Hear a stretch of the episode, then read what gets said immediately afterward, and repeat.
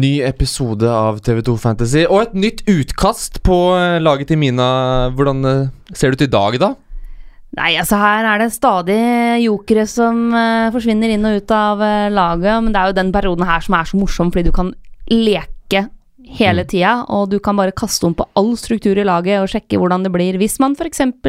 vraker Mohammed Salah, hvor kan man da bruke de andre pengene? Ja, for det har jeg lekt litt med siden i går. Siden vi snakka om uh, forsvarsspillere, så satt jeg i går kveld og bare tenkte ok, jeg må, jeg må bare gi det et forsøk.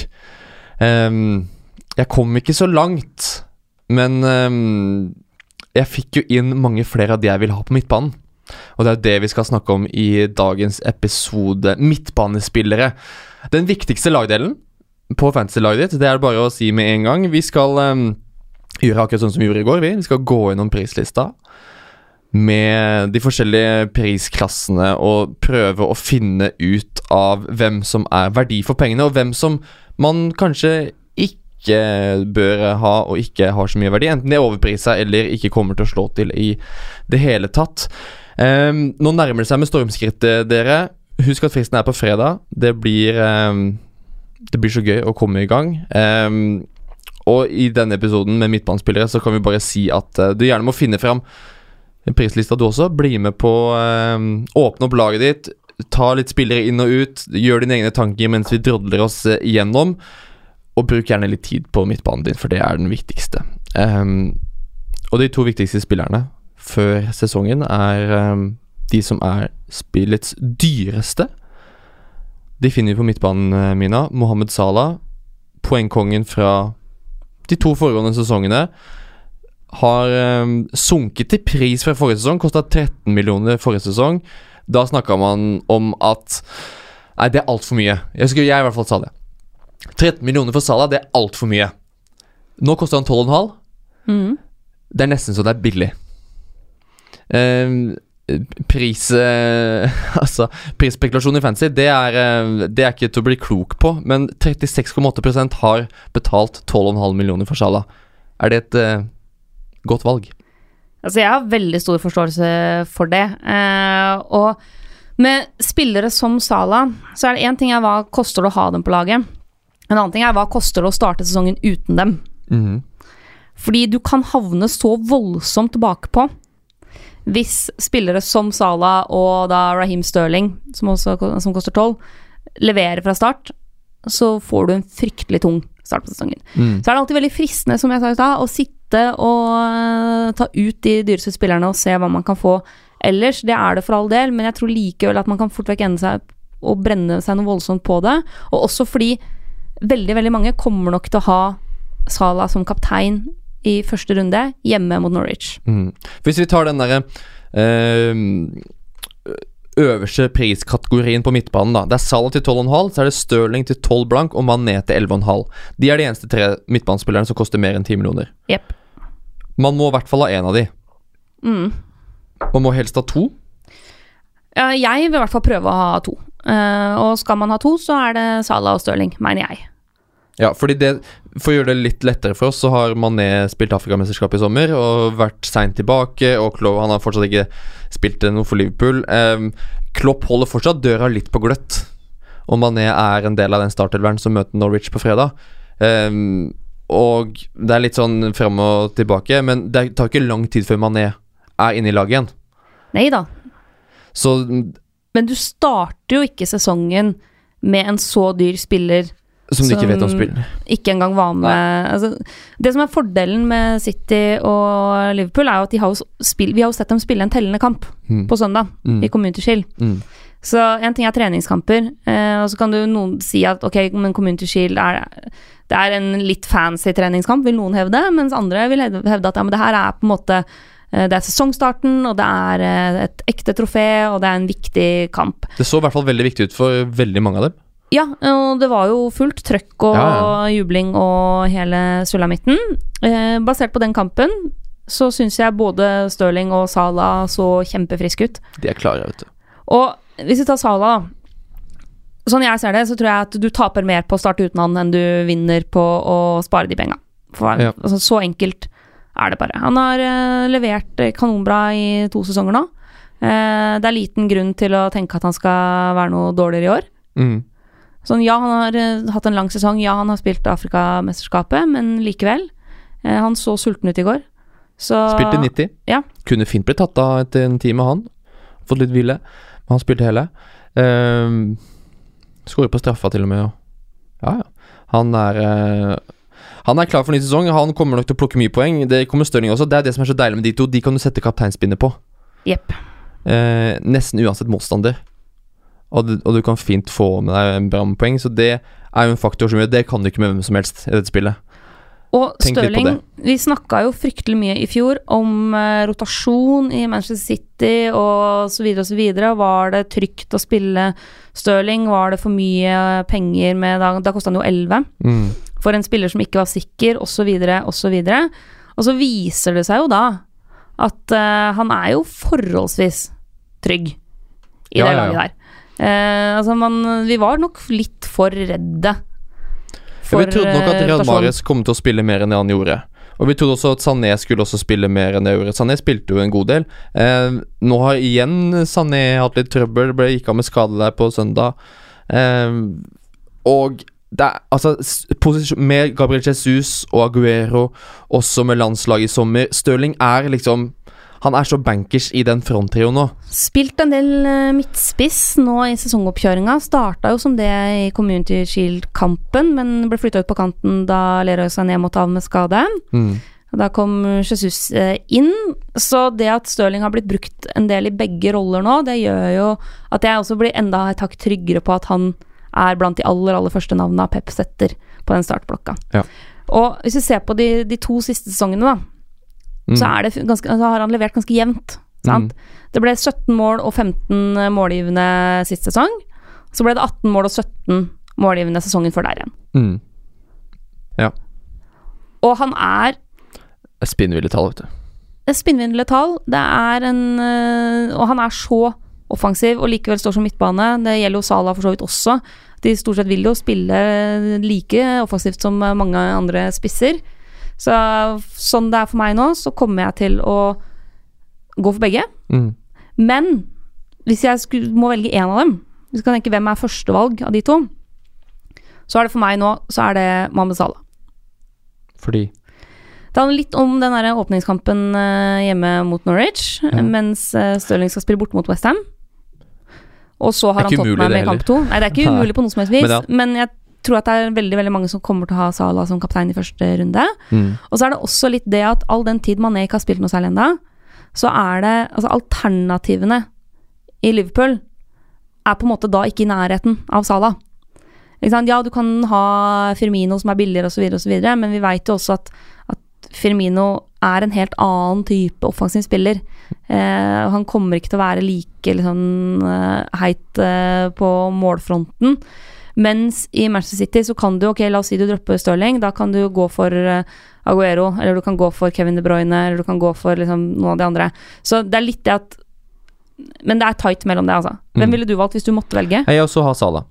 Ja, for du har ikke støling? Jeg har ikke støling ennå, og det er den største eh, kniven i, i ryggen min eh, Hvor med laget mitt. vondt eh, gjorde det å sitte Det og se på støling på søndag i den kampen der og vite at du ikke har han på laget? Det gjør kjempevondt, og så er det jo føles det også som jeg backstabber Raheem skikkelig, for han var jo min nummer én forrige sesong. Um, så det han, han var den første jeg satte opp på laget. Han var den siste jeg ville bytta ut av laget mitt forrige sesong. Og så Hvordan jeg endte opp her uten han, det er ikke godt å si, men hvis du ser på tallene fra, fra, fra forrige sesong, så har eh, Salah hatt 22 mål, Stirling har 17. Eh, det er greit, men Salah har flere skudd, flere skudd på mål og flere skudd innafor boksen. Så det er mer mål i Salah, sier tallene fra forrige sesong, enn det er i Stirling. Ehm, I tillegg så har Er det også altså expected assist, da, og attempted assist, så er så Salah høyere enn Stirling. Så det er, det er jo jevnt, men Salah har de beste underliggende tallene i, i hele, hele ligaen. Så det er altså Som du også har vært inne på, Mina, det er noen andre alternativer i City også som er minst like interessante, syns jeg, til en litt annen pris, som gjør at Salah er den jeg har. Eh, og Stirling Mané er ikke inne på laget mitt ennå. Så det er han man må ha, tenker jeg, fra den premiumsjiktet. Han er den viktigste, og så vil jeg argumentere for at uh, man bør strekke seg ganske langt for å se om man får plass til både Salah og Stirling. Ja. Det mm, kan være lurt. Fordi jeg mener også at eh, Stirling er førstevalg i City. Altså Skal du kun mm. velge én City-spiller, så er det Stirling som ville vært mitt soleklare førstevalg. Ja, der veit ikke helt om jeg, om jeg er helt enig med deg. Fordi hvis vi går videre til det øvre midtsjiktet, da. Hvis vi sier at neste kategori på pris er 8,5 til 9,5, Mm. så ligger de som jeg mener hver eneste sesong alltid er gullgruvene. For her ligger det spillere som ikke er prisa helt på topp, men som kommer til å få en prisstigning. Og Kevin De Bruyne koster 9,5. Det er bare å løpe og kjøpe. Ehm, at han var skada så å si hele forrige sesong, og nesten ikke spilte, det er en gavepakke inn i den sesongen. Fordi da får man litt lavere forventninger. Eh, prisen blir satt ned fra 10 blank. Hans, prisen hans sank jo fra 10 blank til 9,6 forrige sesong, så nå er den satt på 9,5 fra starten av nysesongen. Eh, det lille glimtet vi fikk se av Kevin De Bruyne, spesielt når det dro seg til i Champions League der, på vårparten, før han igjen fikk den skaden, da satt vi her alle sammen, i hvert fall vi to, og jeg tror veldig, veldig mange var sånn Han var førstepri å få inn på laget. For da var han tilbake til sitt gamle jeg. Nå har han fått en hel preseason. Sett voldsomt skarp ut eh, Ja. i deler av sesongoppkjøringa nå. Altså var jo ja, tidvis helt glitrende nå på søndag også. Mm. Så når du kan få på en måte eh, Si 17-18-sesongen, da hvis vi skrur enda en sesong tilbake, så hadde han 8 mål og 18 målgivende. Når du kan få 25 målpoeng til 9,5, så er det ikke noe å tenke på. Da mener jeg at det er, like, det er det li, mye større verdi hos De Brønne enn det er hos Stirling. Eneste spørsmålet der er jo litt som hvordan Pep Guardiola har tenkt å bruke Kevin De Bruyne denne I sesongen hver her. kamp. Ja, det kan jo, men, jo, men hvordan, hvilken posisjon? Om han kommer til å ligge litt uh, djupere i bana, eller om han kommer til å på en måte de, altså, hen, ja, de har jo henta han Rodri fra Atletico. Ja. Et navn som ikke jeg skal si så mange ganger før det bare blir bråk. Um, de har jo henta tydelig, et tydelig anker. Gundogan har spilt dypt når Fernandinho ikke har spilt. Så nå mener jeg de har tre gode alternativer i den rollen. Så at De Brønne skal inn der, det kan jeg aldri se for meg. Nei. Og jeg også tror at Kevin De Bruyne kommer til å kunne bli en fantastisk suksess Mm. På Fantasy denne sesongen her. Eh, i- et godt lag kommer jo til å spille eh, mye når han er eh, Så lenge han skal skadefri. Litt sånn bekymra for om altså Den der skadesesongen i fjor er litt grunn til bekymring. Med tanke på hvordan kroppen egentlig funker osv. Men all den tid han ikke er skada, så da får man heller bare ta stilling til det hvis det eventuelt skjer. Så han er superfint prisa. Mm. Jeg tror han kan bli et av de virkelig, virkelig røverkjøpene denne sesongen her. Eh, Men så er jo eksempel mitt problem er at hvis jeg skal ha Stirling, så er det vanskelig å også ha plass til Kevin De Bruyne. Ja, det skjønner jeg. Det er, det er Det vanskelig, på en måte. Eh, Så det er en litt sånn avveiing man må ta prismessig. Og så må jeg jo si at jeg syns også at eh, Christian Eriksen Ja. er megainteressant Mm. denne sesongen her, til ni blank, altså en halv million billigere enn Kevin De Bruyne. Mm. Det kan, eh, det kan fort bli krutt, det òg, altså. Mm. Ja, han også er fryktelig Han er også inne hos meg eh, per dags dato. Um, nå er jo sånn til 9,5 er jo suspendert de to første rundene. Um, hvorfor Eriksen har droppa i pris? Jeg vet ikke, Kanskje, okay, kanskje forrige sesong ikke var så solid fra, fra vår kjære danske venn. Eh, men med sånn dropp i pris alle er skada, eh, og er på en måte ganske en god stund siden vi har sett Del Alli på toppnivå. Um, så kan man si ok, men da er jo Kristian Eriksen helt aleine. Da har han ikke gode spillere rundt seg å kunne strø pasninger til. Ja, men for meg så er det Kristian Eriksen bare enda mer sentral i Ja. det laget. Så til ni blank så er han en, også et kjempekjøp. Det som er så deilig med spillere som både Kevin De Bruyne og Kristian Eriksen, er at de er sånne spillere du veit kan levere forholdsvis jevnt og trutt gjennom sesongen. Eh, Det er kanskje ikke så ofte de eksploderer totalt, men det er også sånn at de, de går ikke sånn kjempelenge av gangen uten målpoeng. Mm. Det er akkurat det. Så mm, litt sånn set and forget som er uh, veldig deilig. Det får du ikke med Rian Mares og Leroy Sané i den prisklassen der. 8,5, 9,5. Uh, Sané nå ute med gikk av med skade på søndag. Uh, Rian Mares eh, vet vi jo aldri hvor det er, egentlig. Før han dukker opp i siste runde og liksom vinner ligaen for City. Så Det blir jo interessant å se hvis Sané er ute med skade en liten stund nå, hvordan det angrepet der egentlig kommer til å se ut. mm. Uh, Vi må nevne Pogba her. vi må nevne Pogba, 8,5. Også vært litt sånn småskada, men, Men om siste det er skade, eller om det er vondt i vilja, eller om eh, det er eh, hva som egentlig foregår der, er litt vanskelig å si. Ifølge agenten så har han i hvert fall veldig vondt. Ja. Sikkert. Ehm, hvis vi legger bort alt av overgangssnakk og sånn utenom sportslige greier eh, For fancy er jo ekstremt sportslig. ehm, så hadde jo Pogba en enorm sesong i fjor. Eller forrige sesong var en helt enorm. Ehm, under Solskjær så var det liksom Det var jo helt eh, ny person. Eh, med Mourinho så skapte Pogba 18 sjanser på de kampene under Mourinho. Når Solskjær tok over, så skapte Pogba 37 sjanser. Første tre kampene til Solskjær, så hadde Pogba hat trick med tosifra poengscore. Ble jo poengkonge totalt for United, selvfølgelig.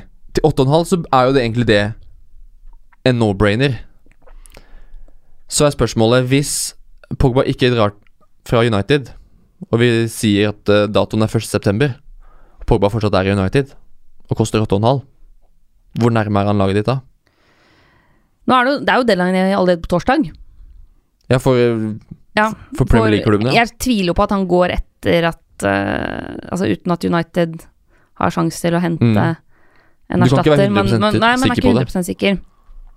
Så foreløpig så er Pogba et stykke unna hos meg.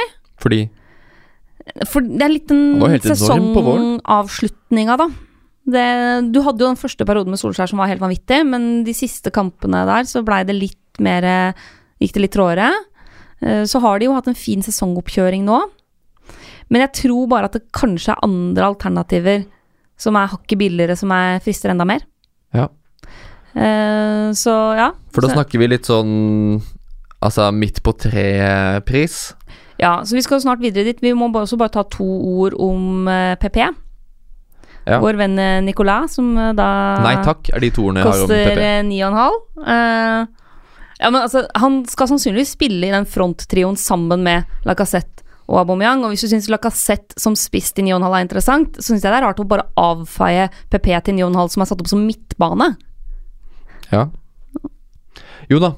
Um, jeg, jeg, har, jeg har aldri sett han spille fotball. Jeg kan bare innrømme det. Det er kanskje For det har jeg, og Ja. det har vært fryktelig, fryktelig moro. mm, Så er jeg usikker på Du veit aldri helt hvordan det kommer til å bli nytt lag og ny liga og alle de tingene der, men det han presterte i fjor i Frankrike, var helt spinnvilt. Og det jeg har sett han Jeg tror han kommer til å trives veldig, veldig godt sammen med Aubameyang og Lacassette. mm. Så jeg tror det kan bli veldig bra. Eh, men Det da. det fine med PP er jo at dette trenger jeg egentlig ikke å ta stilling til før runde fem. Fordi det er greit at han har Newcastle og Burnley de to første kampene, men så kommer Liverpool og Tottenham på rappen der. Mm. Så da kan man jo bruke sånn starten nå til å se det an. Ja. Eh, Men han er høyt på blokka mi over spillere jeg skal følge meget nøye med på. Den blokka deler ikke jeg, men eh, på midt på treet-blokka vår, der tror jeg vi deler mange av de samme navnene. Det er så så mange fine spillere i den prisklassen der, altså. Hvis vi sier åtte blank, syv og en halv og syv blank, den, de tre priskategoriene der, så er det mange, mange, mange navn. Som er ganske høyinteressante. Jeg syns det er kjempevanskelig å velge i den eh, kategorien Du har der. de to Everton-gutta, Richarlison og Sigurdsson. Yep. Bernardo Silva. Ryan Frazier er der. Wilfred Saha. Wilfred Saha er nede på syv blank. Um, Lucas Mora er jo også der. Madison.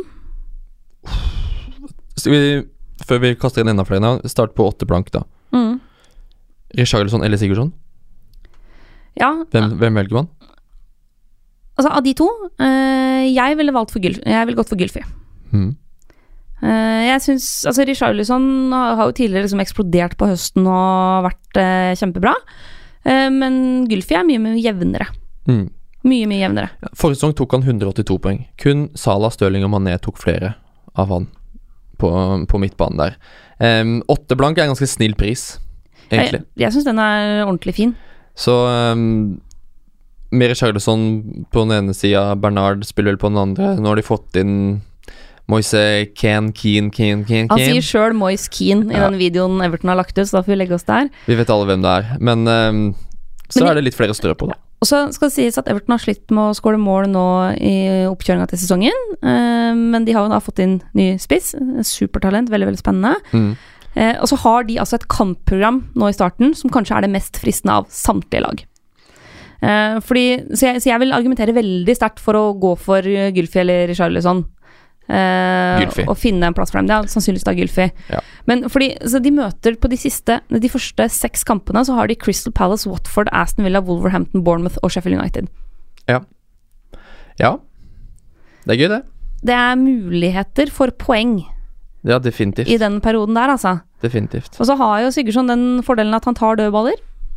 Bommer på litt straffer òg, men, eh, men tar nå en gang eh, en del dødballer. Eh, og jeg tror at ja, Richarlison har kanskje høyere poengtopper i seg, men jeg tror også Gylfi er faktisk tryggere i laget. Ja, det, ja han, selvfølgelig. han er den som er sånn nummer, numero uno offensivt å sette på plass der. Ja. Han kommer til å spille så lenge han er skadefri. Richarlison, eh, ganske sikker, men ikke like sikker. Nei. Og der har du også flere Du skal ikke ha noen annen enn Gylfi i Everton. På Everton midtbanen. Men vil du heller ha Gylfi når vi kaster inn Bernardo Silva i den uh, miksen der? For uh, apropos hyggelig pris, åtte blank er uh, veldig fint. Det starta forrige sesong som syv og en halv, godt etter en sesong hvor han var vel nærmest den med Altså, jeg vet ikke Han hadde sikkert ikke flest minutter, dette vet jeg ikke, nå bare tipper jeg. Men jeg bare følte han spilte hele tida, da. Ja, han gjorde så godt som det. Altså De eneste som spilte mer forrige sesong enn Bernardo Silva, var Ederson og Laporte. Så han var jo kjempetrygg. Jeg mener han var en av de aller, aller beste City-spillerne forrige sesong. Altså sånn rent spillmessig. Han var helt fantastisk. Er en favoritt eh, hos Pep, er en favoritt hos oss eh, også. Um, Og har, hvis du ser på tallene, da Hvis du sammenligner han med sånn som Stirling og Aguero og de gutta der, så er det jo altså Bernardo Silva er den som har tredje flest avslutninger for City forrige sesong, totalt. Og også tredje flest i det man kaller liksom danger zone, da, som er liksom den farlige sonen. Ja, og i tillegg til at i tillegg til at han eh, er den som skapte nest flest sjanser. Ja. Kun David Silva som eh, skapte flere sjanser enn han. Så det er jo selvfølgelig både potensialet her for mål og målgivende, Mm.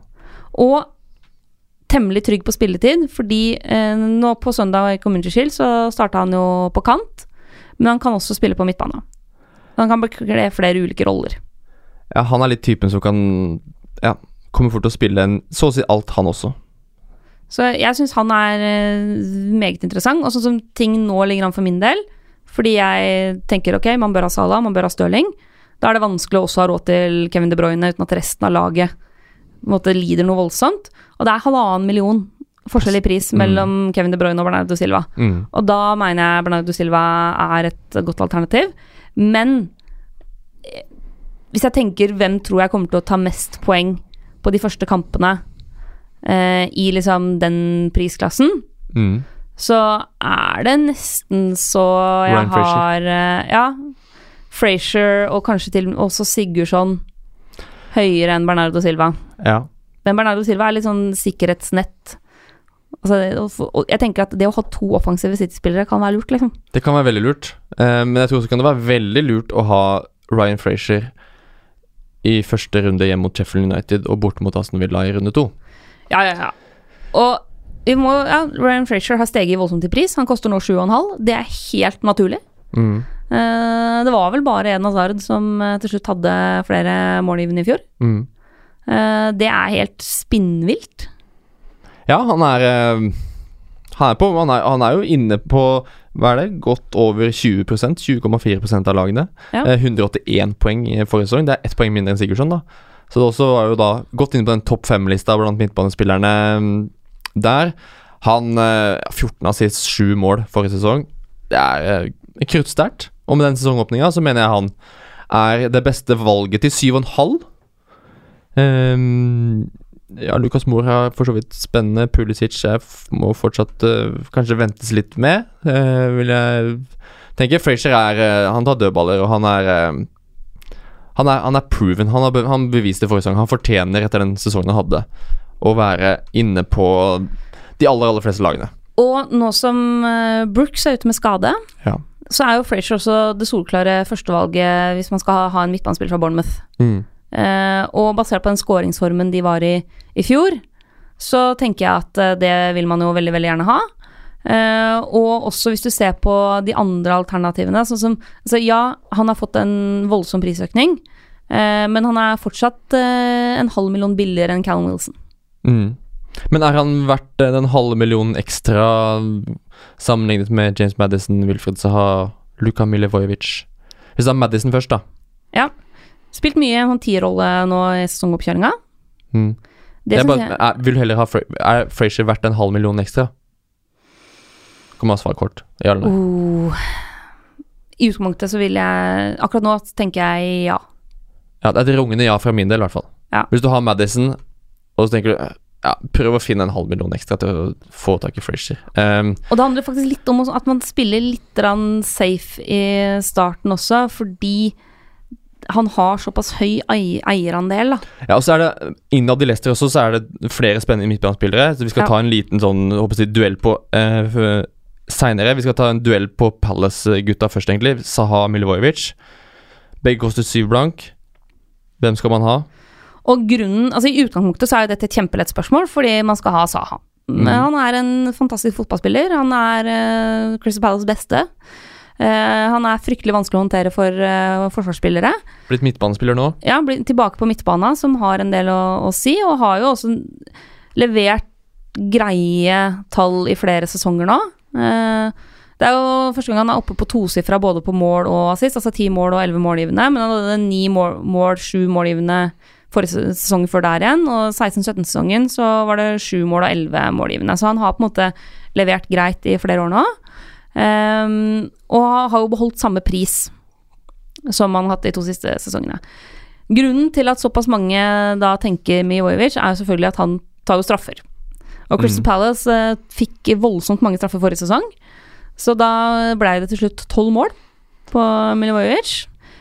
Mye assist på Saha, for det er han som blir felt. Ja, det er han som blir felt. Uh, og så vil jo mange da si at uh, ja, med VAR så vil du få mange flere straffer. Det veit vi jo ikke ennå om man får. Um, og i hvert fall i Crystal Palace-tilfellet så er det jo Jeg tenker at mange av de straffesituasjonene som Saha får straffe på forrige sesong, og tidligere, altså generelt som, som spillertype, er tvilsomme. Og kan diskuteres. Sånn, er det kontakt eller ikke kontakt? Saha er jo en type som kan gjøre mye ut av de situasjonene der. Så at VAR kanskje Sånn på generell basis kan man si at ja, da har det blitt flere straffer, for det har vi sett i mesterskapet osv.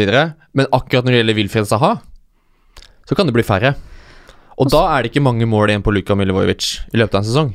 Men så er det jo selvfølgelig også det med, med hens-regelen, og se litt hvordan Mm. det blir praktisert, da. Eh, og så er jeg i utgangspunktet litt der at ehm, ja, Mijojevic eh, tar straffer, og det kan gi god uttelling, eh, men det er på en måte først og fremst det han tilbyr. Så han Det er er noen frispark her ja, og der. Ja, men han vil veldig ofte være avhengig av da spesielt Saha mm. for å få de målpoenga. Ja. Mens Saha er jo ikke bare en fyr som får straffer. Nei, Han er jo definitivt en fyr som kan skape på egen hånd også. for det er også fortsettelsen av av det at ja, okay, hvis Crystal Palace får mindre straffer, da får jo Saha også mindre poeng. Men da tror jeg altså Saha tar mye større del av den kaka som heter mål, som Crystal Palace kommer til å skåre. Så veit vi jo fortsatt heller ikke om Saha faktisk er Crystal Palace-spiller denne sesongen her. Det har jo roa seg litt på ryktefronten nå, men det kan jeg jo si at altså, eh, Mijojevic blir jo veldig mye mindre aktuell hvis Saha går til en annen klubb.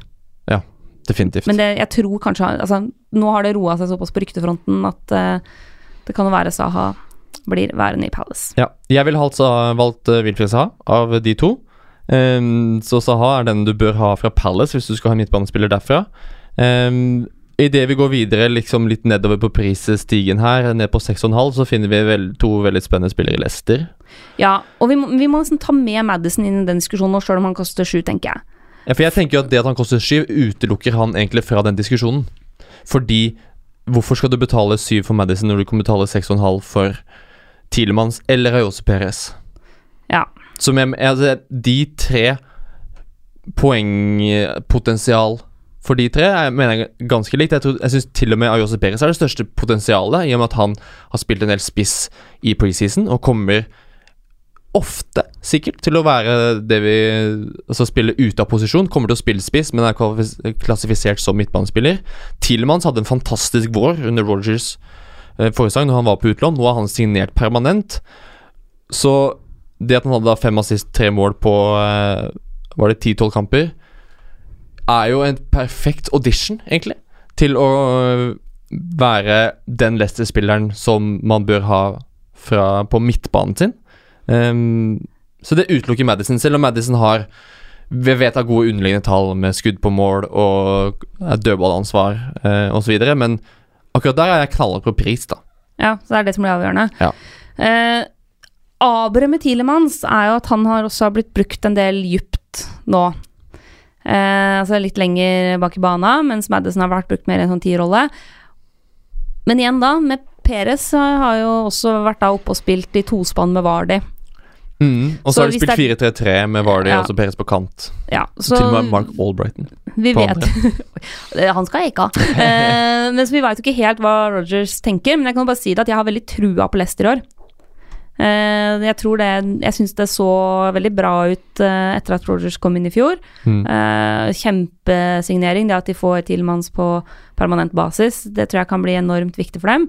Så jeg mener at det å få plass til en Leicester-spiller kan være viktig. Og så er jo Ja, vi har det der med at nye spillere i laget og så videre og så videre. Hvor sikre er vi på Peres og de tingene der? Fordelen hans er jo at vi har sett han i ligaen før. Eh, og det at han har vært eh, brukt en del nå. Så Leverer tolv mål for Newcastle forrige sesong. Ja. Newcastle hvor han, på, han har jo egentlig ingen medspillere til å hjelpe han. han har Rondon, liksom. Ja, men det er Rondon han måtte egentlig skal Det er Rondon som skal vinne hovedduellen, og så skal Perez eh, plukke ned nedfruktene og så gjøre noe med det derfra. Han får noe litt andre medspillere i Leicester. Ja. Det er 13% som har valgt Peres. Um, jeg tror de er inne på noe. Eh, så han er den jeg ville valgt fra Leicester.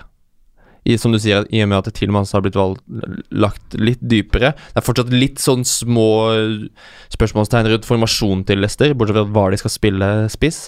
Men at Perez rundt Jamie Vardy der, tror jeg kan bli den som drar med seg flest målpoeng av de midtbanegutta. Det Ja, det er jeg ganske trygg på, faktisk. Um, videre i den 6,5-kategorien er det, det er noen spennende gutter i Westham òg, Mina. Vet jeg du syns? Ja, det syns jeg definitivt at eh, det er. Eh, jeg syns jo Westham offensivt, som vanlig, ser veldig artig ut. Det gjør det jo gjerne før sesongstart. Eh, og det er klart at der har du, hvis vi tenker på de som er til under sju, da, så er det jo Lanzini 6,5 og Fornals som kommer inn fra La Liga til eh, 6,5. Begge har 1% eierandel. Ja, og begge kan bli kjempefine jokere. Lanzini mye ute med skade forrige sesong. Det er fryktelig synd, men han er jo en spillertype jeg har veldig sansen for. Eh, og når han først er i form, så er han en superjoker. Mm. Og jeg tror at han i dette Westham-laget kan, kjempe, kan bli kjempebra Mm. den sesongen her. Ja. Og så er det, altså Fornals, det er litt sånn Det er, ehm, det er lett å la seg lure litt av, eh, av den fjorårssesongen hans. Mm. Eh, For der var det ganske skralt med, med målpoeng. Eh, Men det var også sånn i et Viareal-lag som var veldig opp og ned, og ja, det, det var liksom ikke så mye å gå på der. Mens hvis du ser på sesongen 2017-2018, så er det jo tolv målgivende Mm. og tre mål. Uh, og det var Jeg lurer på om ikke han blei delt assistkonge med, med Messi og Suárez. Kan det stemme, mon tro, for den sesongen der? Akkurat den uh, assistlista i La Liga denne sesongen der, den har jeg ikke i hodet.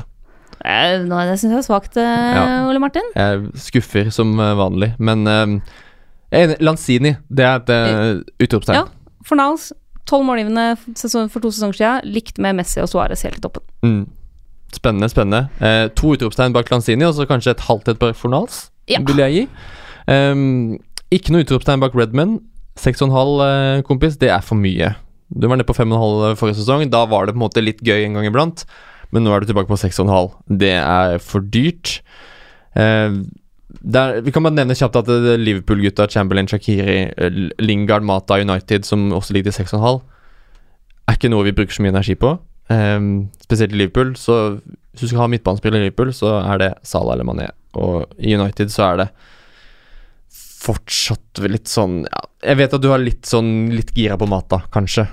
Ja, men ikke nå Det er lenger. for usikkert. Ikke nå lenger. Eh, jeg tror at hvis man skulle hatt Så skal man først ha United eh, midtbane, så ville jeg heller da gått opp til eh, Kanskje prøve seg på Pogba eller eh, Martial, som Ja. er på 7,5. Ja.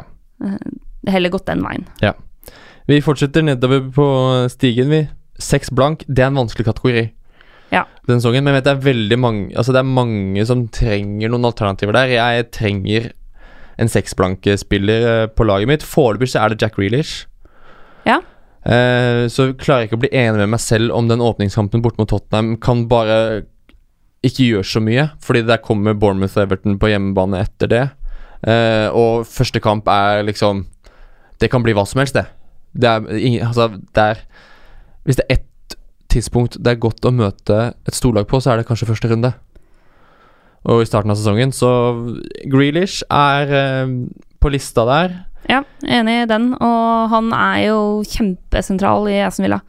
Så han er trygg med tanke på spilletid og kommer til å være sentral i det de får til offensivt. Eh, Det er jo andre alternativer som er liksom Ja, for så vidt eh, interessante, men litt mer sånn usikkerhet rundt. Det er sånn som uh, Trossar, for eksempel, i Nei, Brighton. fysj a meg. Uh, jo, men altså, kjempespennende spiller, og uh, har jo erfaring fra Europa League uh, og gjort det bra i Belgia. Eh, men den Jeg hopper ikke på det toget før jeg har eh, sett det i aksjon, for å si det mildt. Det var, altså Brighton var blant lagene som skapte minst offensivt i fjor, så der tror jeg kanskje det er eh, bedre verdi andre steder. Eh, Pereira i Watford er jo seks blank. eh, var en eh, spiller som tidvis i fjor viste stor form, men, men ustabil. Eh, og så er det den jeg kanskje syns er den morsomste jokeren i den kategorien. Det er jo Buendia i Norwich, Ja. til seks blank. Eh, Assist- forrige sesong ja, for Norwich. i et veldig offensivt Norwich-lag, eh, som uh, scora fryktelig mye mål. Så blir det selvfølgelig mye vanskeligere når du skal opp i Premier League. Han kommer til å få mindre rom, men en eh, veldig, veldig god fotballspiller. Så eh, til seks blank så syns jeg Altså, jeg ville typ heller hatt han enn liksom Almiron og Townsend og liksom De gutta der, da. Altså Ward Prowse er en av mine favoritter. Han er alltid det. Eh, kjempepotensial, men et potensial som kanskje er i ferd med å dø litt ut. Jeg har sett mange eh, med Ross Barkley. Eller ikke mange lag, det har jeg ikke sett. Men Ross Barkley er litt sånn på vei opp på radaren igjen. Det er 6,5% som har han. Det er ganske mye til å være Ross Barkley, egentlig. Både han og Mason Mount koster seks blank, så jeg ser at det er mange som tenker Ok, her er det en potensiell uh, fin vei inn i Chelsea midtba offensiv Chelsea midtbanespiller. Uh, men Barkley og Mount kommer kniver veldig om den tierrollen i, i Chelsea. Hvem som får den mot, bort United, det er ikke godt å si.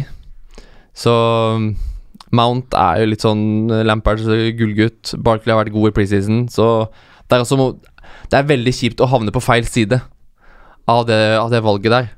Så Der venter vi og ser han. Eller jeg gjør det, det samme til Pulisic, som jo er dyrere. Ja. Men der, som jeg tror kan bli bra, men, men der eh, venter jeg og ser han, ser han litt. beste valg til seks millioner, Lina. Mina. Line. Mina. Nei, eh, jeg kan bli med deg på Jack eh, Grealish der, men vil ha da Buendia som en artig liten joker for de som liker å gamble. Mm. Em, nedover Det er mulig å gå enda lavere på pris her. Så vi kan jo ta fem blank, da. For de som eksempel tenker å spille fem på midtbanen. Mm. og skal ha en femtemann som spiller som er så billig som overhodet mulig, men som faktisk skal spille og ikke bare sitte på benken. Så er det jo ikke så mye å ta av. Du har eh, altså Ngolo Kanté, men han sliter litt nå. Ja. Han skal du ikke ha, han skal du ikke ha uansett. ja, og så har du Jorginho, som jo eh, har tatt litt straffer, som er en mulighet. Uh, en spiller som kanskje kan finne på å levere i år, er jo uh, Solly March, men uh, det er ikke sånn at det, hjertet dunker ikke sånn dritheavy av det heller, på en måte. Så det er litt vanskelig å finne de gode valgene i den kategorien, men den jeg da kanskje ville gått for, er faktisk Norwood i Sheffield. Mm. Og det handler egentlig om at han er klink bankers i det Sheffield United-laget. Ja. Uh, ja, han er jo egentlig en litt for djup uh, midtbanespiller til at det skal være relevant på Fantasy, men han er helt bankers. Uh, han tar mye dødballer, og han var den som skapte flest sjanser i det Sheffield United-laget i fjor. Og de var jo Altså, de rykka jo opp først og fremst på clean sheets, og det at de var fryktelig solide defensivt. Men til fem blank så er det sånn du, Det er ikke all verden du kan forvente, men der veit du at du vil få liksom, minutter Eller du får, vil få poeng for uh, minutter spilt Ja. hver gang. Ja. Og så vil du sikkert av og til få litt målpoeng på, uh, på dødballer, og sånn han var jo tross alt uh, viktig Mm. også i det offensive spillet forrige sesong. Mm. Ja, ta med han på blokka. Eh, nedover på Helt nederst på lista, 4,5, så er det vel vår belgiske venn i Wolverhampton, Leander Dendocker, som Ja. er det beste valget. 13,6% har valgt han til 4,5. Så han, der er folk eh, Majoriteten er enig. Enstemmig vedtatt om at Dendocker er den spilleren til 4,5 du bør ha. Han også ser ut til å få en del med spilletid, fikk det på tampen av forrige sesong, så han kan være den benkespilleren som også kan komme inn og gjøre, gi deg to poeng, kanskje, og kanskje fem. Kanskje får en assist, eh, kanskje han får tre med en clean sheet-poeng en gang iblant. Eh, han kan være den som eh, redder eh, laget ditt hvis det er en som plutselig ikke spiller. Men vi forventer ikke så mye av han, det gjør vi jo ikke. Nei. Eh, noen eh, Vi har vært innom noen jokere fra nyopprykka lag. Ah, Det er, litt, det er noen, noen jokere Det er en joker du ikke har nevnt, eh, Mina, som jeg vet du har litt ekstra øye med. En tysk eh, aldrende magiker, holdt jeg på å si. I Øzil? Ja. Ja, altså Mesut Özil er jo en interessant eh, sak, må man eh, kunne si. Men, men grunnen til at jeg syns han er verdt å følge med på denne sesongen, her er jo, er jo pris, liksom. Han koster 7,5. Mm. Eh, og hvis han faktisk uh, Han ser jo ut som han skal brukes en del, og hvis han kan finne formen igjen, så syns jeg det er interessant. Mm. Det er ikke, han er jo ikke i nærheten av en spiller jeg kommer til å starte sesongen med. Nei. På noe som helst måte. Men til 7,5 så er det bare å øh, følge med, altså. Det er bare å følge med. Nå prøver jeg å finne eierandelen til eh, Øzil, men den er så, han er så langt ned på lista at det er 1,7 1,7, ja. Ja. Lavere går det nesten ikke an å bli. Um, Øzil, fin joker, men hvem må alle ha på midtbanen? Uansett pris. Eh, For vi får være enige om at førstepris er uh, Sala. Nei, første pri er Sala. Og så vil jeg ha da en veldig klar andrepri på Stirling. Så de to er det første du setter opp midtbanen din, og så bare får du prøve å gjøre det beste ut av det på de siste tre plassene. Ja. For meg er det, er det sånn. Og så vil for det andre være litt sånn ok, du går for Sala, og så har du mer å leke med ellers. Ja. jeg mener på Sala, men Kevin De er den første eh, jeg satte opp på midtbanen uh, når jeg lagde mitt første lag, og han står der ennå. Så mener jeg Christian Eriksen også bør være med. Så jeg tenker jeg, På mange måter så kan du tenke du kan få Sala og Stirling, og så én på ja, rundt syv, og så seks blank. Du kan, altså sånn det Som ser liksom dine tre toppvalg. På mitt siste utkast nå, da, så er det Salah Stirling, det, men da er det liksom Bernardo Silva og Frazier som er de to Mm. andre. Mm. Kontra da å kunne ha Kevin De Bruyne istedenfor Stirling, og da kunne de ha dytta inn Christian Eriksen og kanskje Ja. Gylfi Sigurdsson, for eksempel. For det er, de, det er de fire jeg prøver å få plass til. Sigurdsson, Eriksen, De Bruyne og Salah. Ja. Det er det, det er det som frister mest, det er de som gir meg mest vann i munnen. Uh, hvem kommer til å floppe, da, denne sesongen? Oi, Hvem er det man skal holde seg langt unna? det er hmm. Den er vanskeligere, syns jeg. Um, vi da må vi tenke de som har ganske høy eierandel, da. Ja, så er det litt feigt å velge den donker til Ja. 4,5.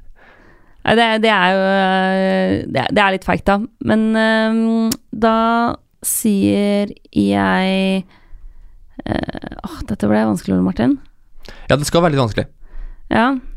Um, mm, mm. Sa du Mané? Jeg satt faktisk og tenkte på det også. Altså, Ikke så mye at han, han kommer til å levere greit med målpoeng, tror jeg, men uh, han er den jeg er mest usikker på om kommer til å forsvare prisen. Mm. Ja, han er den liksom Altså ustabil. Um, det kan plutselig droppe litt poeng. Det var, det var veldig flyt forrige sesong. Ja. Det var veldig, veldig veldig flyt. Og jeg, jeg tipper at hadde han kosta ti blank, så hadde det vært noe helt annet. Men på 11,5, da må du på en måte kunne forvente veldig jevn leveranse da, Mm. gjennom sesongen. Ja. Så hold deg unna Mané denne sesongen. Det blir vårt eh, Kommer til å forfølge oss hele sesongen, det her. Ehm, vi har vært godt gjennom midtbanen. Eneste vi mangler å gå gjennom nå, er spissene. Yes. Det tar vi i morgen. Da er vi tilbake igjen eh, her i studio. Um, takk for at du var med oss på midtbanepraten. Jeg håper du har satt midtbanen din og begynner å nærme deg et ferdig utkast. Tar vi spissen i morgen, og så kan egentlig bare sesongen starte.